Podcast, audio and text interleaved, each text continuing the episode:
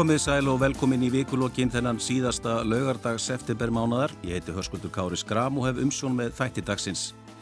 Það er rigning úti og svona höstlegt veður í kortunum með höstlæðurum berast svo þær fréttir að verðbólgan sé að aukast á ný. Hagfræðadeild landsbankans telur að Sælabankin muni hækka stýrivexti í næstu viku um hálft prósentustig sem væri þá 15. hækkunin í röð. Það er endilt um borgarlínu og ráðamenn vilja endur skoða samgöngusáttmálan frá 2019 vegna aukins kostnæðar. Í vikunni kynnti félagsmálar á þeirra nýtt tímabundið samkómulega við Rauðakrossin um neyðarskíli fyrir þá hælisleitendur sem hafa verið sviftir þjónustum. Sveitarfélög hafa ekki tekið vel í þetta samkómulega og telja með þessu sé verið að velta ábyrðinni frá ríki yfir á sveitarfélögin. Hinga til að ræða þetta og fleira eru komið þau steinun Þóra Árnadóttir, Þingmaður Vinsti Gretna, Guðmundur Árni Stefánsson, bæjarfulltrúi samfélkingarinnar í Hafnarfyrði og Hanna Katrín Fredriksson, Þingmaður Viðresnar. Verið velkomin. Takk fyrir. Ég ætla að byrja þennan þátt að ræða þessa árós sem átti sér stað í miðborg Reykjavíkur í vikunni. Sá sem varð fyrir árósunni var gestur á norrætni ráðstefnu um málefni hinseginsfólks. Lauruglan rannsakar þessa árós sem hatursglæp. Það hefur verið talað um þetta bakslagi réttindabarátu hinseginsfólks og aukna fordóma. Við höfum séð málningu að málningu hefur verið slett og reppó af hánan á skólaförustíg og svo haf hánar verið kliftið niður og svo framvegis. Hanna, þú hefur náttúrulega staðið lengi í þessari réttindabarátu Hvað er að valda þessu bakslægi? Það er, það er, uh, þetta er góð spurning og, og hún kemur alls ekki, þess að þetta bakslægi kemur bara alls ekki til úruninu tómórami. Það eru ströymar og stefnur í þessu eins og öðru og þegar maður skoðar það sem er að gerast Erlendis, bæði Vestanhafs í Bandaríkunum og í ýmsum ríkjum Evrópu, þá er þetta, þetta bakslag, þetta skipulaða bakslag, og það er það, þetta er kostað og þetta er skipulagt. Hver, hver er stendur á bakið? Um, þetta eru sömu öll og hafa verið að stýra alls konar niður yfir hérna ýmsu réttinda til dæmis hvenna, uh, það kemur að þungunarofi og, og, og kynfræðslu, við vitum það að kynheilbreyða, ekki kynfræðsla, einhver öryggi hvenna, uh, ekki síst, uh, ekki síst síst ungra kvenna. Þetta er allt komið einhverja einn uh, hræri graut, upplýsinga óreiðu þar sem er varpa saman alls konar álhattakenningum inn í þetta eru dregnar eh, alþjóðlega stofnanir eins og alþjóða heilbreyðistofnanin og Evrópusambandi og úr verður einhver eitraður eh, eitthvað eitra samansafn, einhver eitraður grautur sem fólk er matað á og alltaf undir því fórorði að hér sé verið að venda börn, því muni alveg umræðanum um, um, um þungunarofið og, og, og annað slíkt.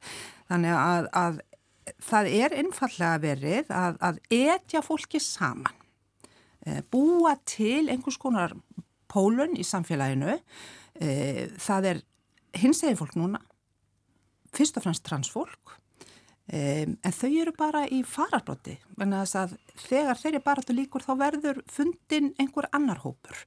Þess vegna er svo mikilvægt að það sé ekki bara hins veginn samfélagið heldur almennt fólk sem vill í að bretti og frelsi allra og átt að sá því að þannig styrkjum við samfélaginu okkar og aukum öryggið, það þarf að taka þátt.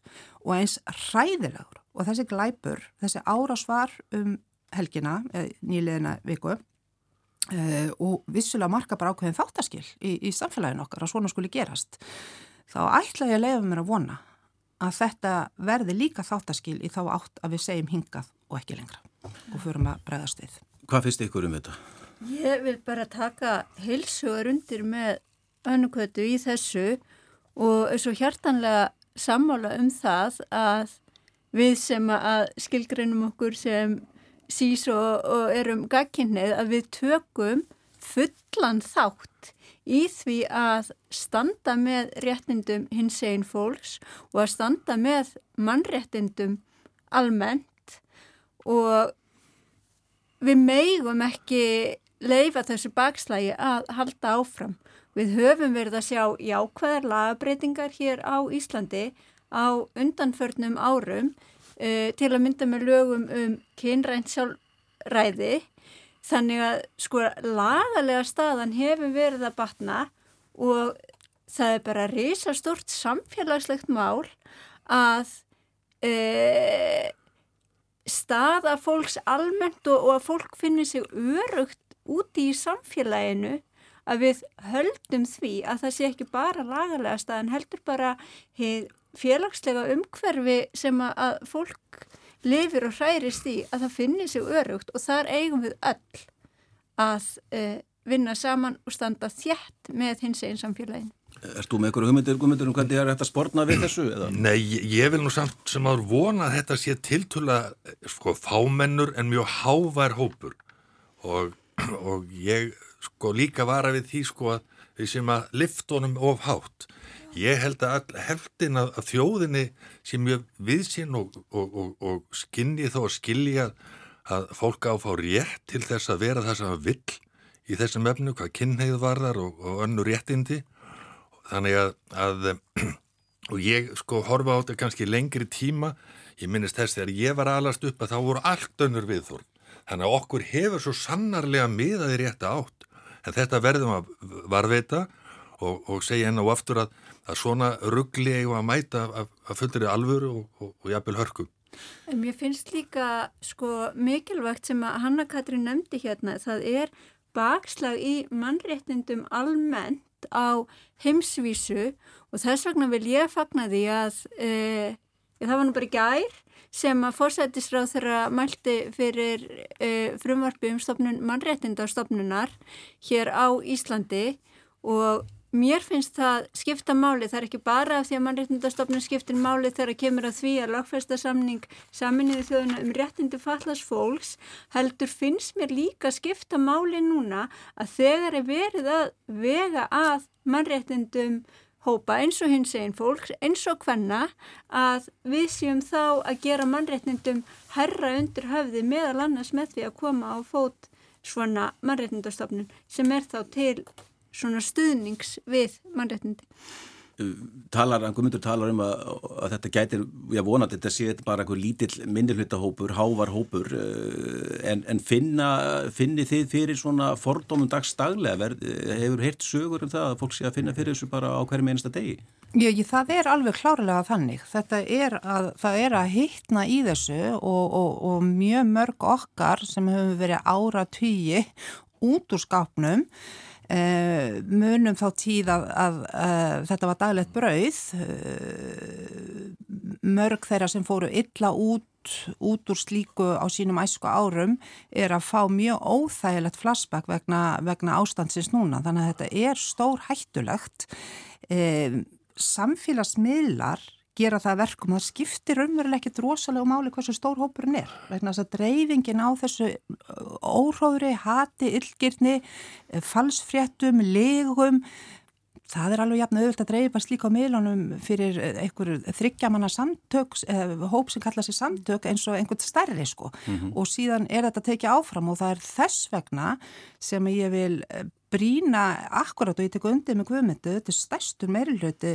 þjóðarinnar, vísinn og, og, og frjálslindur og, og vill samfélagi nákvæmlega og við höfum verið að byggja það upp að þessu leiti en þetta er líka fólk sem að gefa sér þrjá sekundi til að lesa fyrirsaknar og greinar og þegar stanslöstur og otaði einhverjum kostuðum legum, þá hefur það áhrif. En er einhver raunverulega hægt á því að þau, þau réttindi sem hafa vissulega áennust á síðustu áratugum að þau einhvern veginn glatist á ný?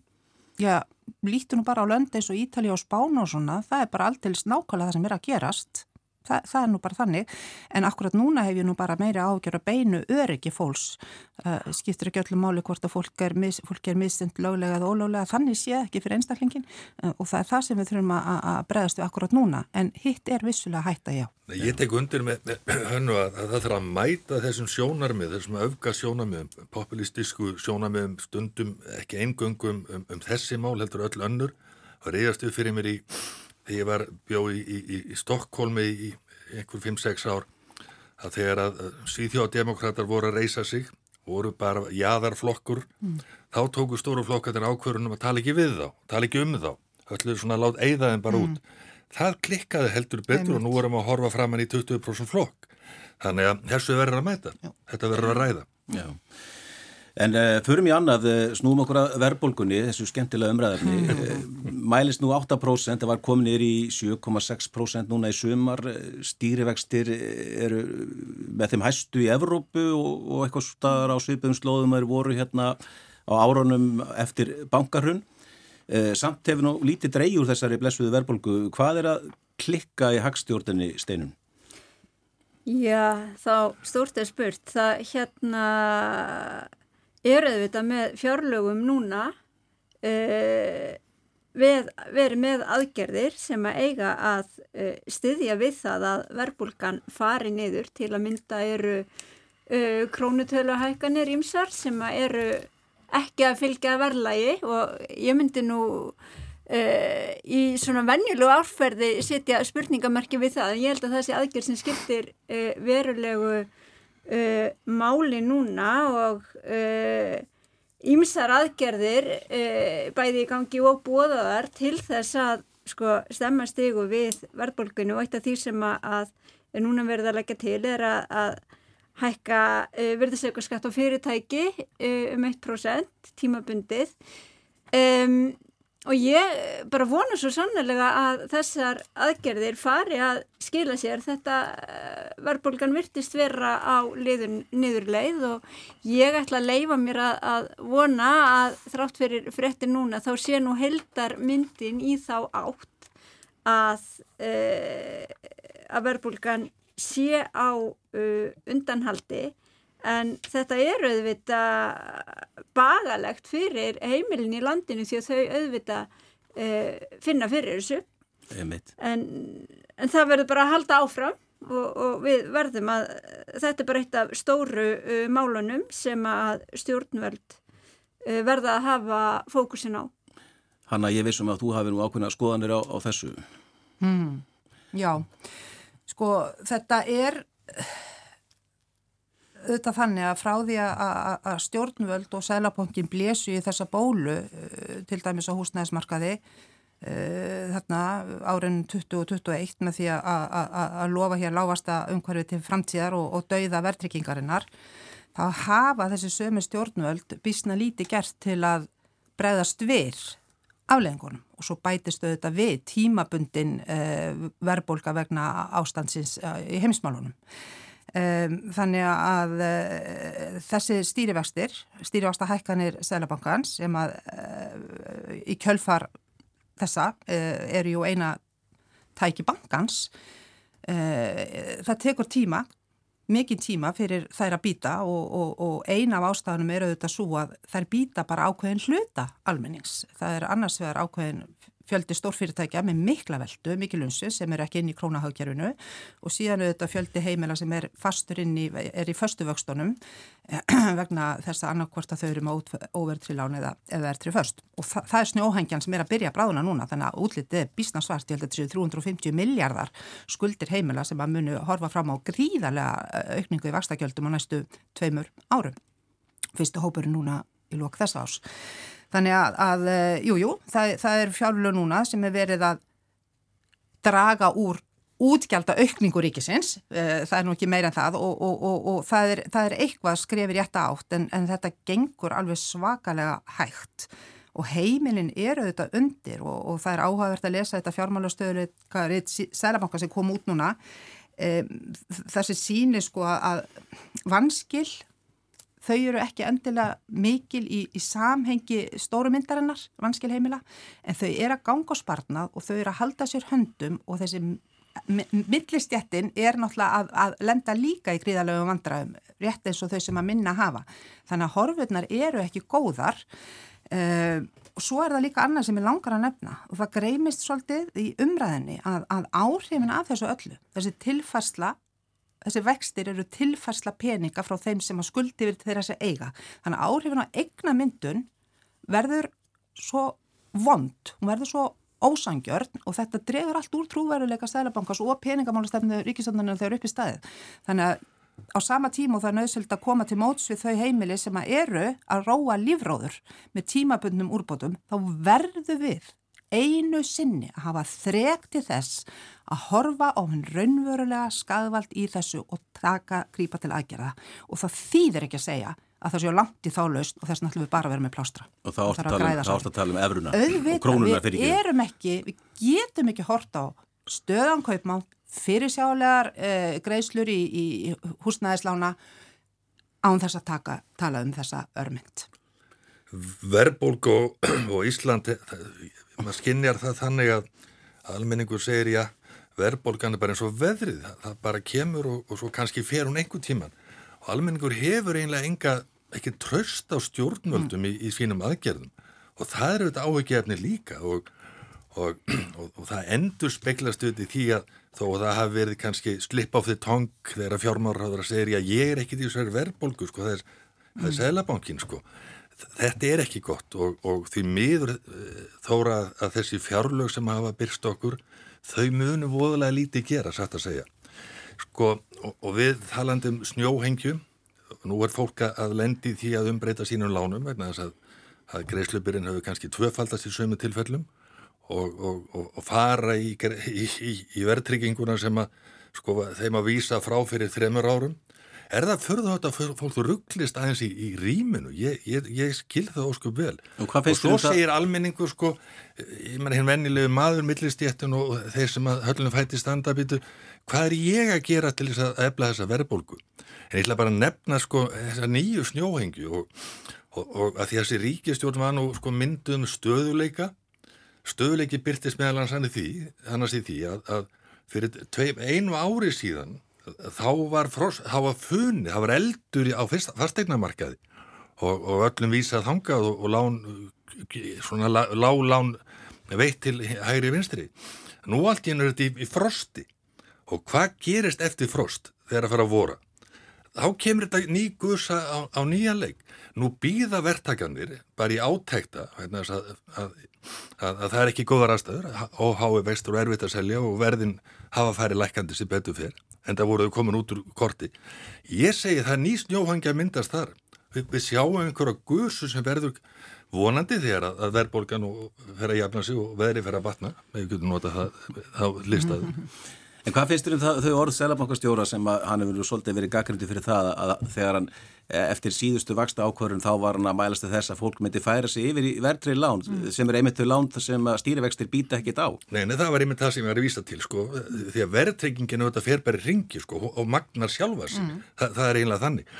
Þannig að með fulltir virðingu fyrir ákveðinu selabankastjóra Æ, ég veit ekki, 15 vaksta hekkanir 14, 14, við erum mögulega farið í 15 sko, og, Og en, en sumir segja nú raunar að, að vaksta hækkanir hafa aldrei bitið á Íslandi og sumpart er það rétt. Við erum sko hérna vakst, vaksta stíð á Íslandi þegar fólk er í óvertröðu núna upp á 15%.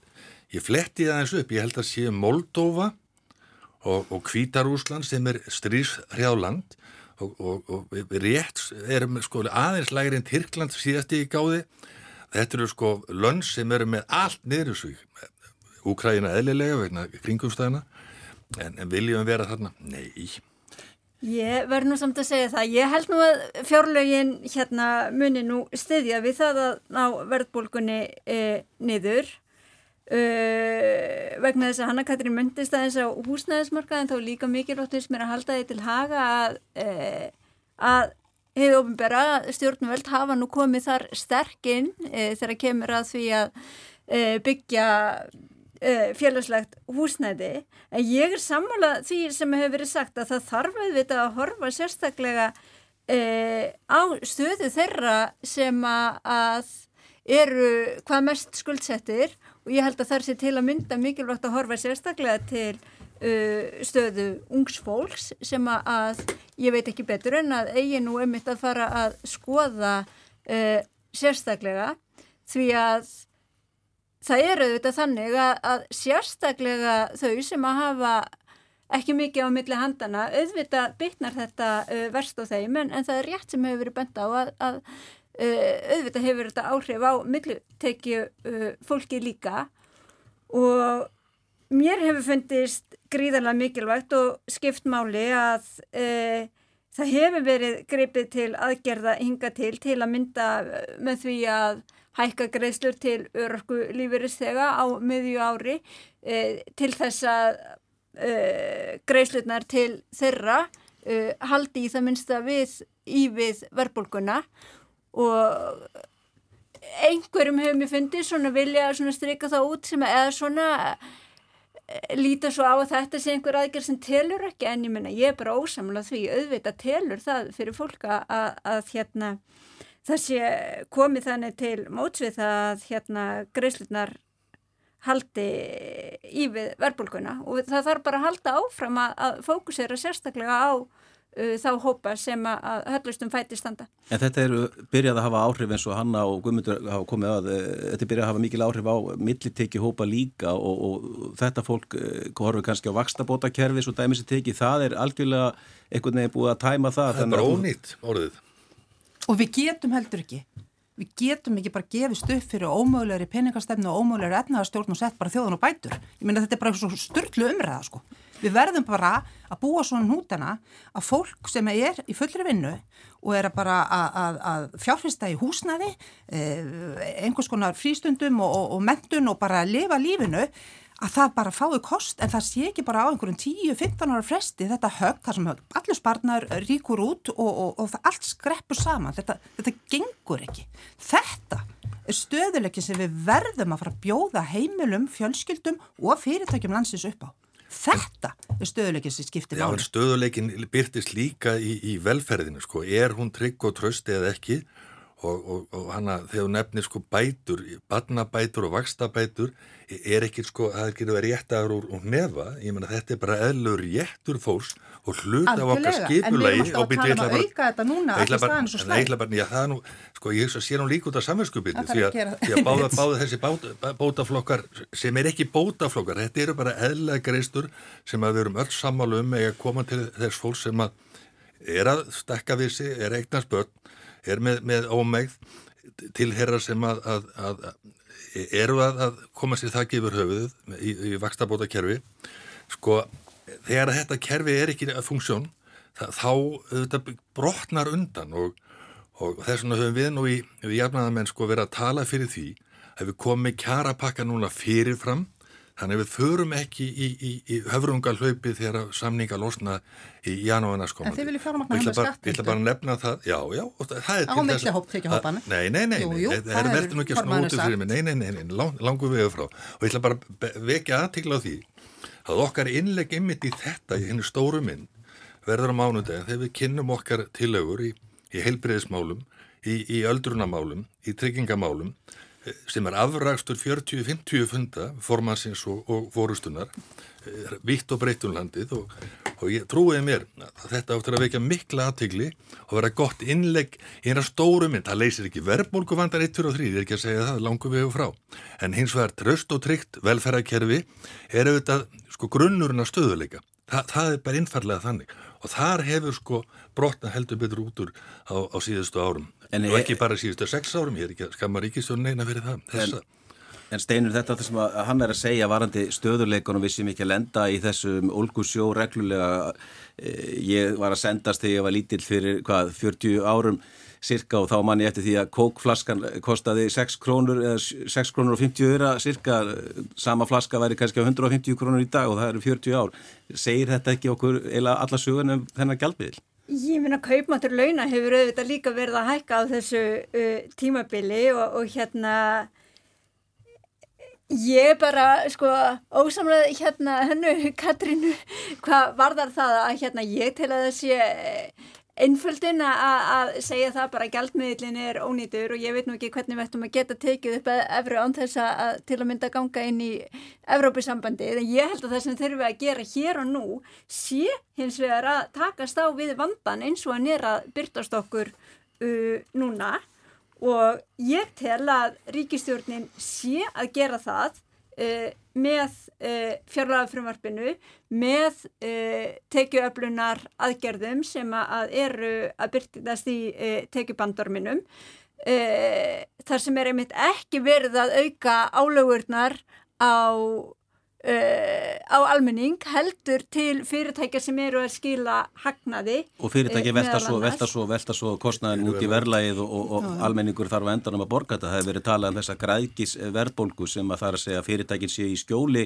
Verðbólgu vendinga að hækka verð eh, meira heldur en það þarf. Það þarf, þurfa auðvita allir að sína ábyrð hérna og sjálfsögðu þarf að fylgjast með því að fyrirtækin séu ekki að velta þess út í verðlægið og mér langar líka að minna á það að mér fannst uh, við ganga undan með góðu fordæmi hérna núna fyrir jólinn þar sem að við uh, tempruðum uh, launahækkanir til bæði þingmanna og annara hæst uh, settu lagana, ofnbjörgu lagana í samfélaginu. Það var náttúrulega uh, því að þess að hækkanir sem átti að fara í gegn voru miklu, miklu hærri heldur en höfðu verið, heldur en var samið með almennu vinnumarkaði og varun ekkit búið að fjallum þetta fyrir að fjölmeila fór að gera það svona nokkru dögum áður en þessar hækkanir átti að taka gildi. Já, einhvað síður eftir að, að var búið að breyta í kerfinu ja. þannig að, að við séum eigum samt að vera sko fylgjandi þegar kemur að launahækunum en ekki uh, hérna, ekki leiðandi eins og var um uh, tíma en það bara, það skiptir máli að það sé hérna farið í aðgerðir og að við séum þar að, að gefa tónin með því að segja, herðu, nei, nú ætlum við bara að tempra í það minnst okkar eigin uh, launahækanir en hins vegar þá uh, eru þetta kærasamningar síðan lausir núna Já, já við erum bara að fara að hefjast núna í haust. Já, já, það er bara er að, að hefjast eh, kjara viðraður. Og, og Hvernig fer það í þá, þá umræðu, þessi, þessi já, hækkun sem nú er að, að vera að spá, 0,5% hækkun, prosentustiks hækkun stýrivaksta ofan á allt hitt sem að undan er, hefur komið? Já, nú náttúrulega liggur það ekki alveg fyrir, við þurfum að sjá hvað gerist, en, en eh, ég bara hef hingað til og mun halda áfram að stiðja baróttu launafólks fyrir bættum kjörum og þá sér í lægi þarf að horfa til þeirra sem eru með lægstu launin, það mm. er svo sannlega fólk sem er ekki öfinsvert að launanum sínum og ég bara óska þeim góðs gengis og, og í sinni kærabartu því að hún skiptir máli. Algjörlega. Mér langaði hérna aðeins að því mér fannst skoðmyndur þú láta aðeins í það skína að, að ég hef ekki áhuga á eða að, þetta er lítið til áherslu á velferðarmál koma. Ég var náttúrulega að svara hér spurningum og orðræðu um áhrif á heimili, verðbólku á heimili. Sko, það er alveg ljóst að velferðarkerfið er gríðarlega mikilvægt. Það er ekki heimileg landsins bara ábyrð á því það eru stjórnvöld. Uh, Skattekjur ríkisjós eru um 30% af vergrið landsframherslu. Það þýðir að 30% af því verðmætti vöru og þjónustu sem verður til Íslandi rennur til ríkisjós í gerðum skatta. Það er rosalega mikið. Það er á pari við það sem önnu Norrlund greiða og um þetta er samfélagslega sátt. En sáttin alltaf rofnar ef að fólk færi ekki þá þjónustu, grunn þjónustu sem hún á að fá fyrir þennan pening. Við erum að verja minnu til heilbreyðismála en Norðurland með sambarilegri skattprósundu. E, þetta þarf að skoða. Vakstakjöld ríkisjós eru mil, 20 miljardar herri en annara vegna gældmiðsis, vegna þess að vaksta muna sem það er.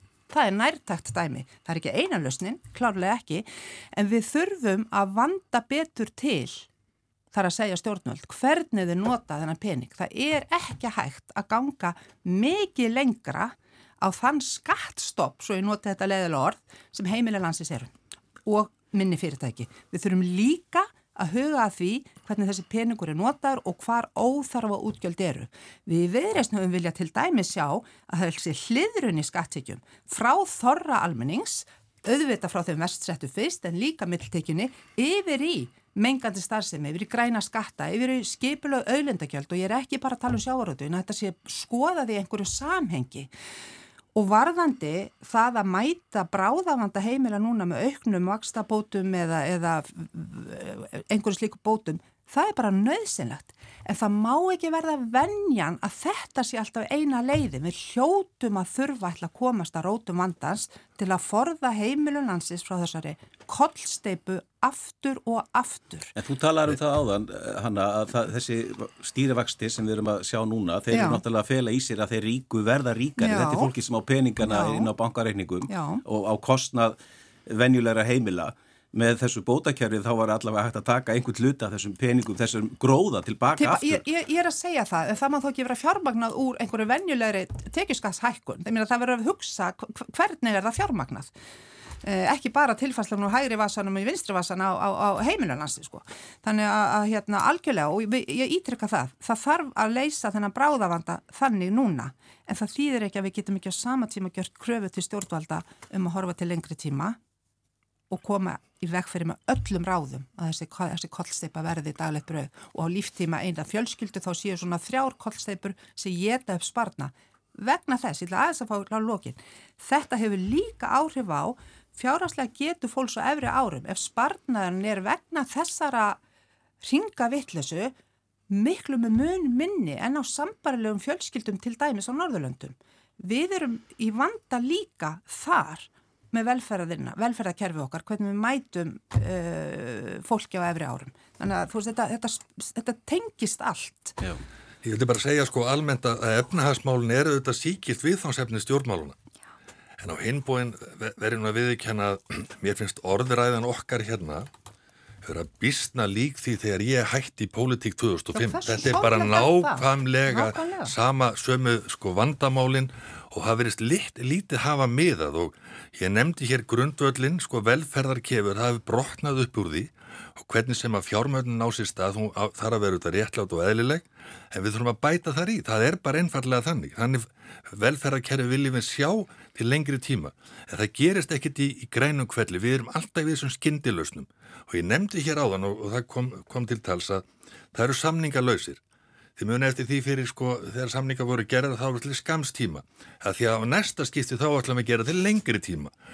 Sko nú er orðaræðan þannig, ég veit það bara, innan raða atunreikenda og, og, og verkefnisreifingar að með sjá það fyrir sér að það vera nýja skamtímasamningar og við sjáum það líka, nú segja menn, já já, við skulum leiða sko þessum frjálsum samningum með þessi stað.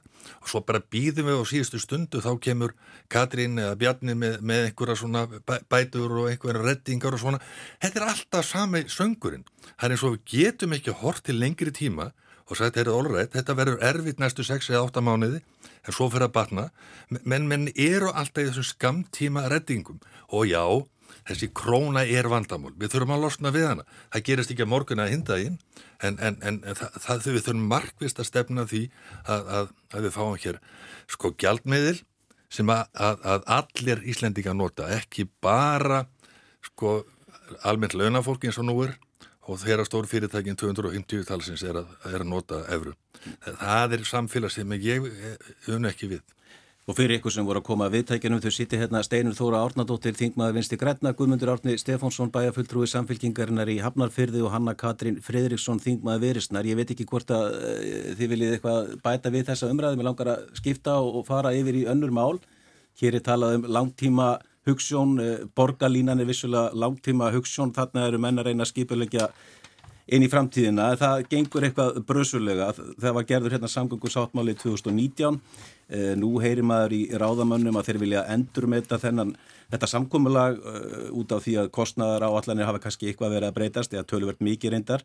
Á sama tíma situr náttúrulega fólk fast í umferðinu á höfuborgarsvæðinu og almenningssamgöngu kerfið er ekki på marga fiska og er svona eða bara drabbast niður.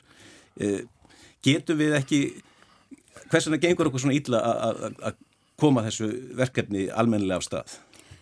Sko ég held að, að síðan að samgangu sáttmálinn var gerður hafi nöðsinin fyrir borgarlínu bara sko ítrekkað sig og sínt sig vera, uh, já ekki síst minni en, en voru að tala um þá. Uh, mannfjölda, fjölgunar spár á höfuborgarsvæðinu einar og sér sín segja okkur það að, að Uh, það er ekki hægt að bæta endalust við uh, bílaumferðina. Við þurfum að draga líka úr bílaumferð til þess að draga úr losun uh, gróðhúsa loftegunda þannig að ég og við í vinstri grænum höfum, höfum auðvitað verið frá upphafi já ef að segja forgöngu fólks þess að, að ásamt fleirum að hér verði byggð borgarlína. Um ef að, eh, ef að það þarf að endur skoða áætlanir uh, og eitthvað mun mögulega að kosta meiri peninga þá þarf bara að fara í það verkefni að gera það vegna þess að verkefnið sjálft að koma á fót borgarlínunu og vera hér með upplugt almenningssamgöngukerfi það er ekki að fara frá okkur heldur uh, verður bara uh, nöðsynleira. Það fælst náttúrulega ímislegt annað í þessum samgöngu sáttmála, við erum líka Já. að tala um gatnafrangandir mm. og ímislegt uh, þeim tengdum sem er ekki endilega miðast við eitthvað, eitthvað almenning samgöngu kerfi en uh, þetta hefur gengið frekar svona illa, það var samstað hérna á höfuborgarsvæðinu með að sveitafélaga lengi vel en núna sínist manni sem svo að það sé eitthvað að breytast þar, skoðanir fólks og maður heyri svona tón frá formanni sjálfstæðisflokksi sem að það þurfi nú eitthvað að endur skoða þetta Hanna, hvað standið þið í, í þessum máli í verist? Sko, við erum náttúrulega, erum, erum hérna meðmælt þessum samgöngu sáttmála uh, inn í honum er uh, ríflega um 40% þessa sáttmála um að tala um fjármögnunina og er, er, er þetta hraðlínu kerfi sem er borgarlínan, almennu samgöngunar, svo er stopn við að framkvæmdirnar einhverja 11, þær eru tæpla helmingur, þær eru stærri hluti og svo koma hjóla og göngustígar og svo umferðastýring sem er svona minni. Og það er gaman til dæmis að segja frá því að það gekk svolítið hratt með hjólastígana, það var svona einfaldar framkvæmt og það er mæl, alla mælinga sína gríðala aukningu á þeim uh, samgöngum áta þannig að það er gleðilegt. Það er líka gaman að segja frá því að borgarlínu framkvæmtin sem er byggð upp í sex lótum, það búið að gera ábættegreiningu á, á fyrstu lótunni hún sínir, að sérst kostnar ábætagreiningu og það er sínt, uh, tölu sína að það sé 26 miljardar eh, ábæti af þeirri framkvæmt. Þannig að ég tek undir með steinunni þórunu að þegar við erum að tala um svona grunn þjónustu uh, þá, þá þarf að horfa á, á, á, á báðar stærðirna þar að segja kostnæðin og síðan ábatan sem að þessu hlýst. Það er hins vegar alveg rétt að það er synd að heyra í hvaða farveg umræðan er komin og ég hef nú einhvern veginn á tilfinninguna að þarna blandist nú inn í einhver stöðutaka innan sjálfstæðisflósin sem þú nefnir e, að það verið sem að einhver, einhver, einhver fórustu fólki ákveðinu sveitafélögum er búið að skipta um skoðun frá, frá forvera og, og, og, og tala inn í einhvern ákveðin hóp þannig að þetta er að verða svona eitthvað bitbein sem, sem reikvikingar og kannski fyrst og fremst uh, líða fyrir og, svo, og nú tala ég sem þingmaður reykvikinga en, en ég átta með á því að þetta nær út fyrir út í nágrann sveitafélagin og það má náttúrulega bara einfallega ekki verða sko. Það má ekki halda þessu máli í gíslingu vegna einhverja innanhús meina í einhverju tilteknum stjórnmáluflokkum. Eh, hagsmunni reykvikinga og höfuborgarbúa eru bara of miklir og síðan það sem að Steinu Þóra bendi líka á Uh, að þetta er líklegast einfaldast aðgerinn til að hafa áhrif á, á, á loftlagsmálinn og, og, og, og átt að því að uppfylla skilir uh, okkar þar eða, eða skildur, skildur okkar þar. Ég meina þannig lítur þetta bara út. En mér langar kannski að nefna eitt að eitt er einhver orðræða stjórnmálamanna annað er ömurleikin borgar línu framkvæmdin er á flegi ferð, starfsfólkið er á flegi ferð, þetta er að gerast og við erum að horfa upp á það að innan vonandi fára ára verði staðan orðin svo að fólk hafi úr fjölbreytum ferðamátum að velja og afleggingi verði meðal annars svo að þessum kjósa, verða eða vilja vera á eigin bíl þeir hafa meira plástið þess en þeir hafi í dag. Þetta er ótrúlega undarleg umræðansætt að segja og og að menn skuli fara í pólitíska skotgræður út af svona sjálfsögnu hlut mm -hmm. e, og, og að, að þetta sé einhver bara átt millir engabílsins og almenni samgángna er bara fráleitt ruggl ég menna að allar borgir í Evrópu eiga við þennan vandarstríða allar borgir í Evrópu er reyna að greiða leið fyrir strætó mm -hmm. og borgarlína snýst fyrst og síðast um það að, að strætó komi sliðar sinnar svona þrauta lítið eða þrauta laust ég meina, ef maður tekur þessar öfgar, bandarækjumenn er nú frægir fyrir að elska bílinn sinn. Ég meina, ég bjóði bandarækjunum í nokkur ár. Guðminn almáttur, umferða teppullan þar, þrátt fyrir sko fjórar agreinar og, og mislega gatnamóta öðru hverju götuhotni, þá er þetta allt í stóra stoppi. Þannig að við erum að reyna að finna þetta leið til þess að, að gera þetta með skinsamlegum hætti. Þannig að hvort þetta heiti borgarlína eitthvað annað skiptir engum máli var þetta samgöngu sáttmála það er, það er sama marki brent ég, ég skil ekki til þessar umræðu ég meina við höfum sett sama samgöngu áallanir út á landi árum og áratugum saman það er alltaf verið endur skoður, er ekki endur skoður tvísvara á, einu svona eða tvísvara ári. Og, og, og öll, svo ég tala náttúrulega um jargöngin og þarna var reynd að gera saman, ég held að það hefði verið mjög skynsalegt og góð sáttum, að reyna að kortleggja það svona til tíu ára hvernig verður hægt að fara í þessar stóru framkvæmdir sem er að langt mestu leiti á, á ábyrg ríkisjóns eða við að gera ríkisins og þarna náðus gott samkomulega um, um kostnæðarskipting og annað þvílugt milli þessara sveitafélag á höfuborgarsvæðinu og menn eru hægt og bítand að vinna eftir því. Það var orði breytingar, vissulega og hækkunni hafi og, og sömur þessar áallin er mér sagt að hafi verið svona ágískun svona til að byrja með en bara koma verkefnin á, á kortið verkefni sem átti kannski að fara í 2029 þannig að það er ekkert óðurlegt við það að menn uppfæri svona samkomulega reglulega. Aðalmálið er það að menn svona mjagist og vinni eftir því til lengri tíma. Þa, það er gert út á landi, akkur getur það ekki hér á höfuborgarsvæðinu. Mm -hmm. Það er verið að gera það hér á höfuborgarsvæðinu sem betur þetta. Já, já, ég er að segja það. Ég, ég, ég held að við sem erum hér inni séum frekar sammála um, um mikilvægi þessa máls. Já, mjög gaman. En má ég kannski aðeins bæta einu við það, því eitt af því sem hefur nefnt um dæmi um svakalega hérna, kostnarauka er sæbreytstokkurinn Uh, en hann, sko, hann, hann var ekki inni og hann er, uh, borg, borgarleina stendur ekki fellum því, sá áfangi. Og hann var áður einhver þrýr miljardar svo leið þarna sæbrutun og, og áfram út eftir eh, sæbrutastokkurinn er núna áallin 27 miljardar, hann er vegna sundabrautar, hann, hann verður að koma þarna inn og það er bara eðlert að þessi tekið til þess þá í þeirri framkvæmt þar sem verið er að fara í á þeim stað. Eh, en, en það er ekki viðbót vegna borgarlínu sko, Þa, það er sundabrautar viðbótin. Við megum bara ekki missa þennir einstök verkefni, Nei, ég tók, ég tók en þetta því merkjum um, um, um hækkað mikið. Hann hefur verið svona að það, það er vissulega alveg rétt en svo var hann, hann spurður að því sko já, hva, hvað á að skera niður? Á, á meðalans að gera þetta í brunni yfir millir Kópavós og Reykjavíkur? Nei, það er alveg að detta inn sko það, það má ekki gera það. E, ef við missum umræðan að þanga þá er þetta farið sko. Þannig að höldum striki.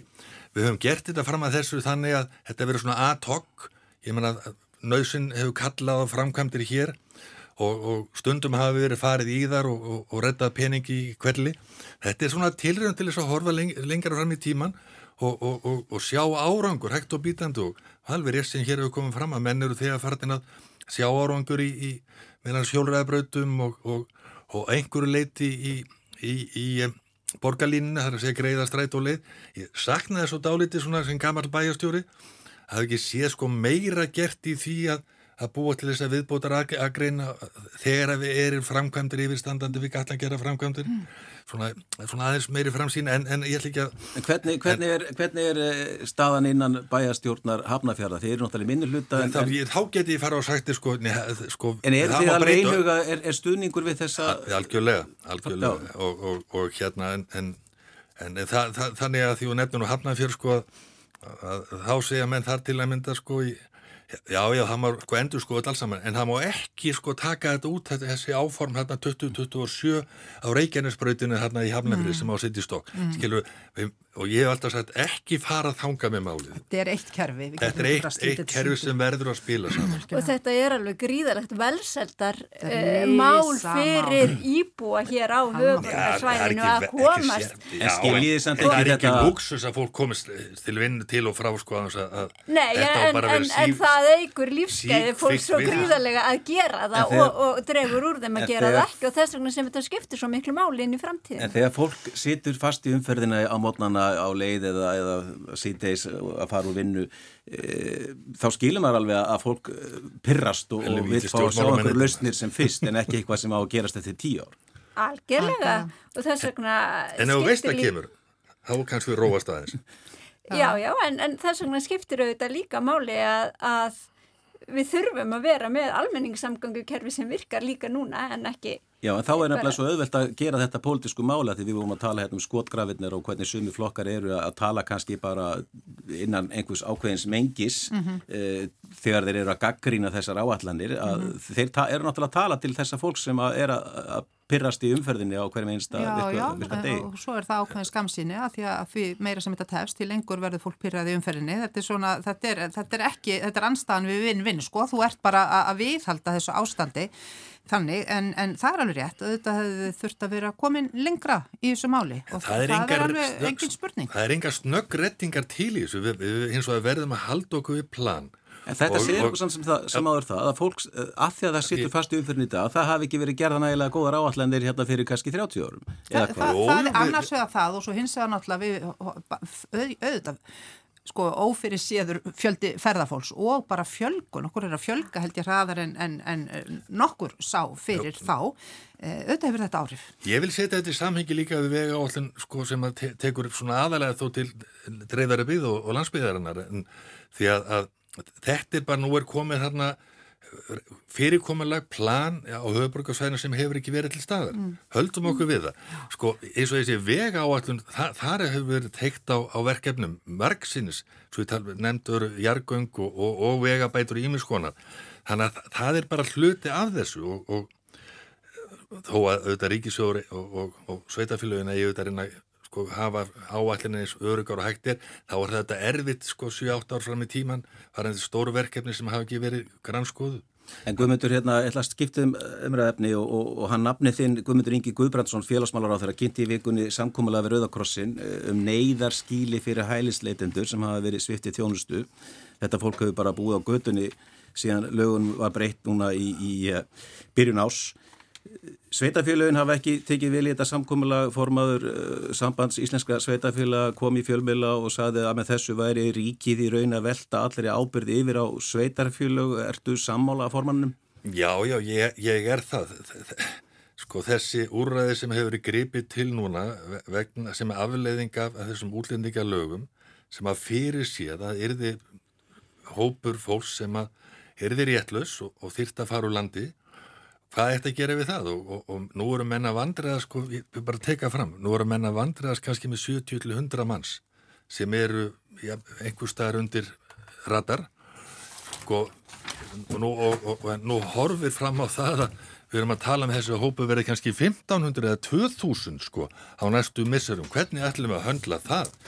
Mér finnst þetta, þetta ástand sko ekki bara eitthvað sveitarfélögum vegna þessara 100 einstaklinga heldur og, og, og þess að deilina millir dónsmálaráþur og félagsmálaráþur um, um, um það hvort að megi sko setja þakk yfir höfuð á, á þessu fólki í skamman tíma eða ekki. Sko endur speikla það ráðleysi sem að, að, að stjórnvöld horfa framann í. Og ég segi sko stjórnvöld þessu samengi því að mér finnst stundum bísna léttvægt þegar að menn segja, þetta er ekki mitt mál, þetta er útlendingastofnu, þetta er kærunendin, ég kem hverki nála þessu. Herru, það eru stjórnmálamenninni sem setja leikreglunar og við verðum að standa ábyrga hvað þeim aðgerðum og þeim ákvörðunum sem að við tökum. Nú, nú blasir það við að ráðlýðis er tótalt, ekki bara innan ríkistjórnarna millir milli ráðherrana, heldur líka lauröldan í vandræðum, rauðikrossin er, er með séstatúræði, er það skrítið þó að fólk klóri sér í höstum? Ég segi ekki meir. Ég er sammálað því að, að e, það er mikilvægt að sko, taka ábyrgar ákvarðanir og, og, og standa með því sem maður er að gera. Og mér langar að benda á það að á síðustu árum höfum við sem betur fer og eðlilega verða að taka á móti miklu, miklu uh, stærri fjölda hælisleitenda en við höfum gert áður. og það skýrust auðvitað meðal annars af því að það er bara ömurlegt ástand í heiminum og flótafólk aldrei verið uh, fleira. Ég er ánægð með uh, minn mann Guðmundinga Guðbrandsson sem að mér finnst hafa hér uh, stíið skinsamlega inn í mál og ég er ósamála því að þessi verið að velta einhverji ábyrð á sveitafjörlaugin sem ekki var til staðar áður vegna þess að það hefur alveg leið fyrir að, að lögun samkvæmt er ákveðin ábyrð á sveitafélagunum. Hér er hins vegar búið að búa til leið sem býr til vettvang fyrir uh, sveitafélagin til þess að uh, og með því um leið að uh, koma til móts við fólk sem er auðvitað í alveg hræðilegri stöðu og við viljum að hafi í það minnst að það ekki verið höfuð. En það er svo óþægilegt að því þú segist að það er að sammála guðmundi, ynga, allt er leið, gott og vel, en, en sveitafélagin eru bara ósamála. Og það, það er óalega sérkynlegt að þessi staða sé komin upp að, að þarna eru sveitafélag og ríki í, í, að reyna í miklu ósætti þegar það, út af nýsamþendu lögum, það er eins og það hef ekki verið gert ráðferðið því í lögunum eða þegar vin, var að vera að vinna að þessum smíðið þessara laga, að þessi staði getur komið upp. En, en það er ekki bara sveitafjölu og ríki sem er ósætti, ríki og ríki. Ég menna, fólk við ríkisöndaborði er ósætti um þetta og þetta er náttúrulega það sem var bent á og, og því miður ekki hlusta það, það, það var alveg augljóst í umræðinu vor að ríkisöndaflokkandi voru ósamála um afleðingar þessa um, tiltegna máls. Og það er að raungerast núna. En ég, sko, ég skil ekki alveg þessa, þetta samtal sem fer fram í fjölmunum á millir áður en að tvekja og mér er nú kannski vorkun þar e, sko e, það, það þarf lög, lagasetningu til, a, til að tryggja þetta lokaða hvað heitir þetta, búsitt úr að dásmálraðara Er það ekki rétt? Jú, Jú, það, segir og, það sjálf. og það er ekki lagastóð fyrir því. E, Þannig að þanga til svo lagastóð kemur, ef að það er á annar borð vilji meirhlutast að samþykja þau lög, þá, þá er fólk á götunni nema þetta skíli sé sem að félagsmannráður er núna að reyna að tryggja. E, það er enga síður bara nætuskíli, fólk eru á götunni yfir daginn og hér eru við í byrjun oktober e, að ræða þessi mál. Þannig að, að við vitum það öll að, að það er nú sannlega ekkit grín. Þannig að þetta, þetta er náttúrulega bara alveg skelvileg staða sem að fólk er komið í. Uh, við erum síðan í stóru myndinni náttúrulega þurfum að fara að ná einhverju kannski ef ég leiði mér að- taka það út úr þessar ömurlegu stöðu þessum þessir einstaklingar eru í og við þurfum að reyna að mæta á mannulegan hátt þá er þetta örlíti byrtingamind af einhvern veginn getur leysi okkar til að ná saman um þennan stóra þátt sem er við kallum útlendingamál, hvernig við tökum á móti fólki, hvaða fólki við ætlum að taka á móti og hvernig við gerum það og hvernig við tryggjum að þau verði e, fái tækifara að vera virki þáttakandur í samfélagin okkar. Og við þurfum ekki annað en að horfa til svíþjá núna þess sem er að gerast þar til að sjá agalegar afleðinga þess ef að við ráðum ekki við það. Um, og þá verðum við að tala saman flokkarnir. Og ég ætla að leifa mér að vísi bréf sem að Þorgjöru Katrín Gunnarsdóttir formaði veriðsna sendi á Katrín Jakobsdóttir uh, sem tók vel í það og búið til fundar um að við næður saman formanu stjórnmálflokka til að ræða málið og finna eins og kostur er sameiginlega flöta því við tökumst á við þetta mál.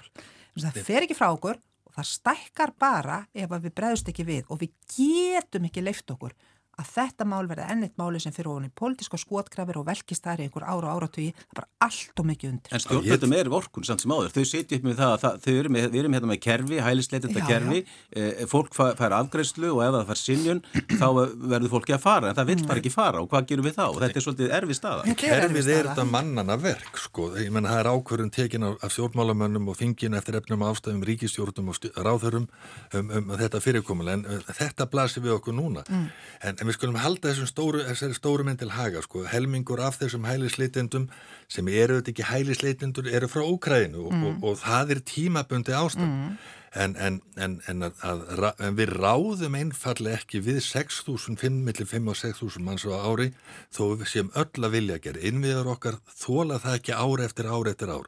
Ég vil taka vel á móti fólki en, við þurfum líka að hafa kerfi sem bregst miklu mjög raðar við. Það eru alveg glatað gott fólk sko að, að, að nú eigi að fara að útvísa hvað er verður, ég veit ekki hvað verður fyrir gæti orðið 1500 mann 1500 manns, segir 1500 ráðherra. frá, frá Venezuela þegar að þeim var sko greið, greið leið fyrir þremur árum og svo eftir 2-3 ár þá bara, er það þakkaði fyrir komuna. Nú máttu fara.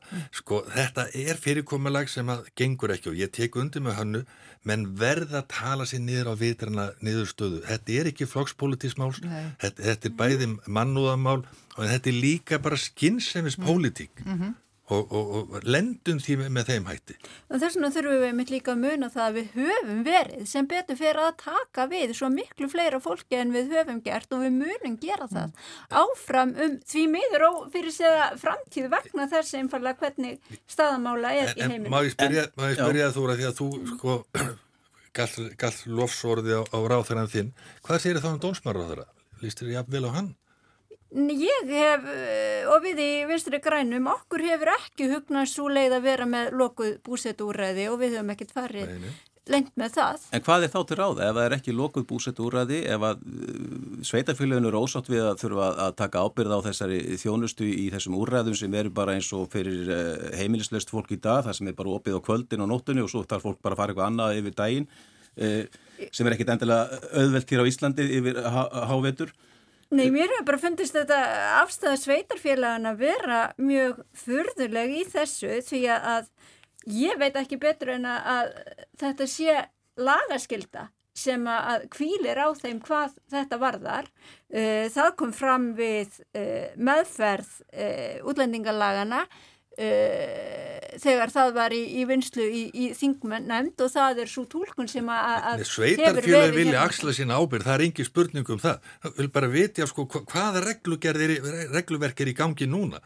Þetta fólk hefur ekki verið und, innan þessa skjólsveitarfélagi fyrir allt í núna einhver ráðhærat eftir það í hug. En bara að því að við erum að vera búið með tíman í hérna, þú talar um það að þið séu ekki hlind þessu úræði sem að dónsmálaráþara hefur verið að reyfa þessu lokaða úræði, hún hefur sjálf bóða það að alla leggja fram frumvarp þessa efnis síðar í vetur.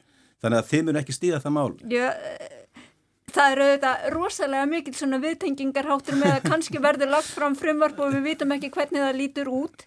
Eh, þannig að það er rosalega erfitt að leggja einhver dóm á eitthvað sem að, að sko maður hefur rosalega óljósa uh, hugmyndum en ég held hins vegar að við þurfum bara hér eftir sem hingað til að vanda til verka og uh, eins og Hanna-Katrin talaði um hérna áðan að í stóru myndinni að fólk sem að ynga kemur og fær hér uh, hæli að það geti aðlagast í íslensku samfélagi og orðið fullgildir þáttakendur og sem allra, allra uh, pröðustum tíma því að á því græða allir, bæði hælisleitundinir mm. og Íslands samfélag. En og það eru fyrirmyndi til þar sem við getum skoðað. En við verðum að fara að ljúka þessu svona að lókum. Uh, Hanna, hvað er framöndan hjá þér um helgina? Ég hef búin að vera svo mikið á flakki og, og mikið að vinna síðustu helgar að ég sá þessa helgi fyrir mér í hyllingum sem helgi sem ég gerði ekki neitt og ég var að styrtastu leiðindu klukkan hálni í morgun þannig að ég þarf að endur skota plan. Ég, ég ætla að fara hérna út núna og, og, og hérna búið til nýtt plan. Steinun Já, ég hérna nota mjög oft tíman og hlusta á veikulokkin og, og brýt saman þvott. En nú er ég búin að vera hér þannig að mín býður fjalla að þvott til að brjóta saman. En svo er ég nú að leiðin í amali í kvöld og barnaamali á morgun. Þannig að það er svona en ég er svolítið líka að Guðmundur. Já, það eina sem er ákveðið hjá mér að klukkan hálf fimm ætla ég að sjá Liverpool vinna Tottenham í, í ennska bóltanum Já, já, gangi ykkur vel. Eh, Steinur, Guðmundur, Hanna, takk hella fyrir komuna í vikulógin, þátturum verður á sínum stað og lögadag eftir vikum, við þakkum fyrir okkur, verið sæl